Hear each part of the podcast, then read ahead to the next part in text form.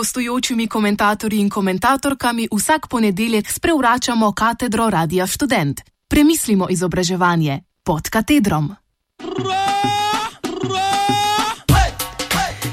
Novelirajmo novelo.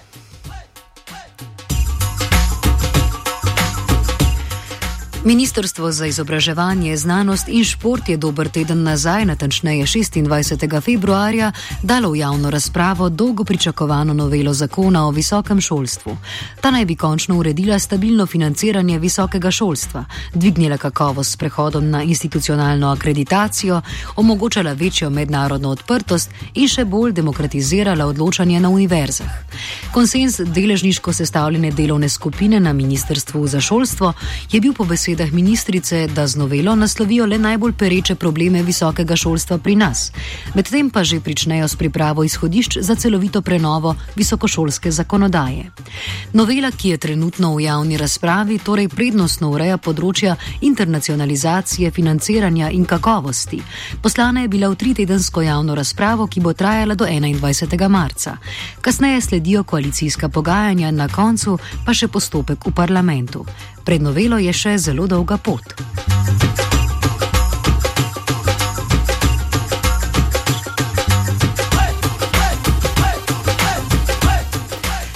Že pet let nazaj, leta 2011, je ustavno sodišče razsodilo, da je potrebno zakonsko urediti financiranje visokega šolstva. Saj tako veli ustava. Obstoječi zakon o visokem šolstvu členov o financiranju namreč ne vsebuje. To je z novelo ZVIS leta 2014 poskusil minister Pikalo, a je naletel na močno neodobravanje strani študentov in zaposlenih na univerzi, ki so pripravili tudi množičen protest. Razlog je bila predvsem močna komercializacija visokega šolstva, ki je brisala mejo med rednim in izrednim študijem in tako opuščala možnost za postopno uvedbo šolnin. Prav tako pa ni definirala javne službe. Ta definicija je temeljna, saj zagotavlja izvajanje javne dejavnosti, torej dejavnosti, ki je v javnem interesu in je izključno brezplačna. A kakorkoli že, vlada je takrat razpadla in zvis je bil spet odložen. Naslednji. Naslednji poskus je bil strani ministrice Setnikar Cankar, katere predstavljen osnutek novele je, tako kot predhodnik, naletel na neodobravanje. Ker se vladi mudi odpraviti neustavno stanje, naj bi sedaj na mizo končno dobili predlog, s katerim se bolj ali manj strinjajo vsi deležniki. Glede strinjanja javnosti in predvsem študentov, ki niso vključeni v proces odločanja, pa bomo še videli. Nas pa predvsem zanima, kaj, če sploh kaj novega ta novela prinaša v slovenski visokošolski prostor.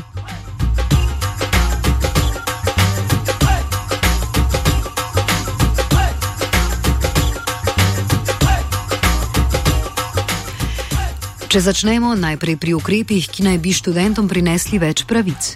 Eden izmed takih ukrepov je sprememba, s katero se bo študentom po opravljeni diplomi omogočilo, da obdržijo status študenta do izteka študijskega leta, torej do konca septembra. Študentje bomo z novelo dobili tudi več pravic kot člani akademske skupnosti. Kot enakopravni člani akademskih zborov fakultet bomo lahko sodelovali pri volitvah rektorja in dekanov. Volivno pravico pa bodo končno dobili tudi nepedagoški delavci. Lucy.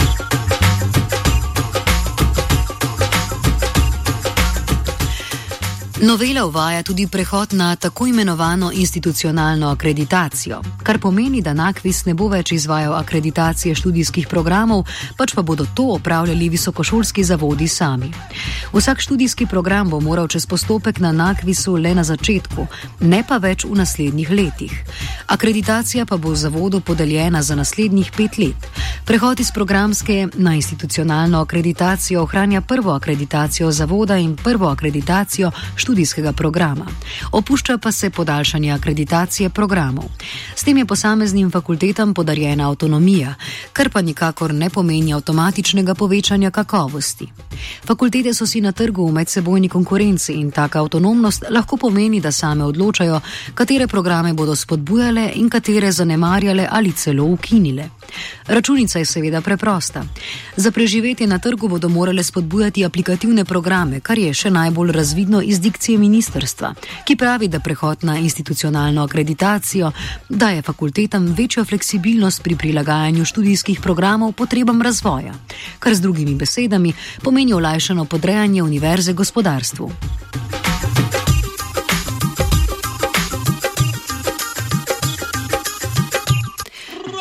Novela spodbuja tudi mednarodno odprtost oziroma internacionalizacijo. Zaradi želje po večji mednarodni odprtosti visokošolske dejavnosti širi možnosti za izvajanje študijskih programov v tujem jeziku. Prav tako se tujcem omogoča učenje slovenskega jezika.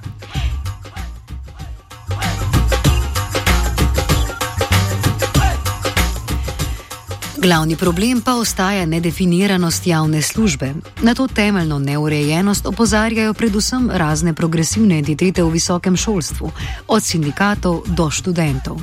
Ministrstvo se ni odločilo za urejanje vprašanja javne službe oziroma razmejitve med javnimi in zasebnimi dejavnostmi na državnih univerzah. To je bila med drugim tudi temeljna zahteva odločbe ustavnega sodišča. Ob sočasni mednarodni odprtosti oziroma internacionalizaciji lahko predvideva predvidevamo, da računajo na tuje študente, ki bodo upisani kot izredni in bodo kot samoplačniki prinašali denar na univerzo. Tako zastavljena novela namreč nikakor ne izključuje vse večje komercializacije visokega šolstva.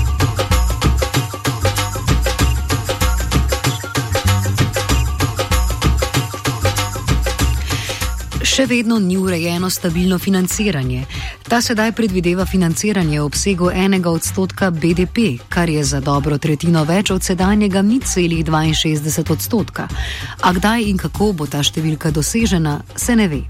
Sredstva za študijsko dejavnost sestavljajo sredstva za temeljni stebr financiranja, po novi ureditvi pa še sredstva za razvojni stebr financiranja. Sredstva za slednjega so namenjena spodbujanju razvoja študijske dejavnosti na področjih kakovosti študija, internacionalizacije, prenosa znanja, sodelovanja z okoljem, znanstvene, raziskovalne in umetniške ustvarjalnosti ter socialne razsežnosti, ki bodo pripomogli k doseganju ciljev in rezultatov ter izvajanju ukrepov ali nalog z področja visokošolskega izobraževanja, opredeljenega v dokumentih razvojnega načrtovanja države.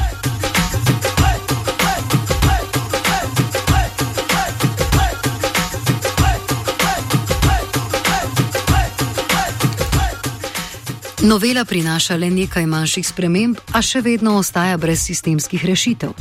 Nekaj koncesij študentom in zaposlenim na univerzi, malce nepredvidljiv prenos akreditacij na visokošolske zavode, nekaj ukrepov za večjo internacionalizacijo ter nekakšno stabilnost financiranja, ki to niso. Hkrati pa zasilno rešuje neustavno situacijo in odpravi potrebo po večji prisotnosti nakvisa, kateremu se je financiranje letos izteklo. A bistvene stvari ostajajo nerazrešene rešene. Gre za nadaljevanje in legitimacijo trenutnega stanja v visokem šolstvu, za ohranjanje statusa quo. Ostaja veliko izzivov in nerazrešenih vprašanj, ki bodo najbrž morala počakati na celovito preoblikovanje celotnega visokošolskega sistema. Vprašanje pa je, kdaj bo do tega sploh prišlo. Novela je nekaj dala študentom, zato so študentske organizacije v večini zadovoljne. Nekaj je dala zaposlenim, zato so zadovoljni sindikati. Ne želijo ekonomske fakultete oziroma na željo ekonomske fakultete, pa je novela poskrbela za večjo mednarodno odprtost. Konec dober, vse dobro. Nikakor. A težave presegajo visokošolsko področje in jih niti novela, niti zakon na tem področju nikakor ne moreta razrešiti. Novelo bi noveliral Bele.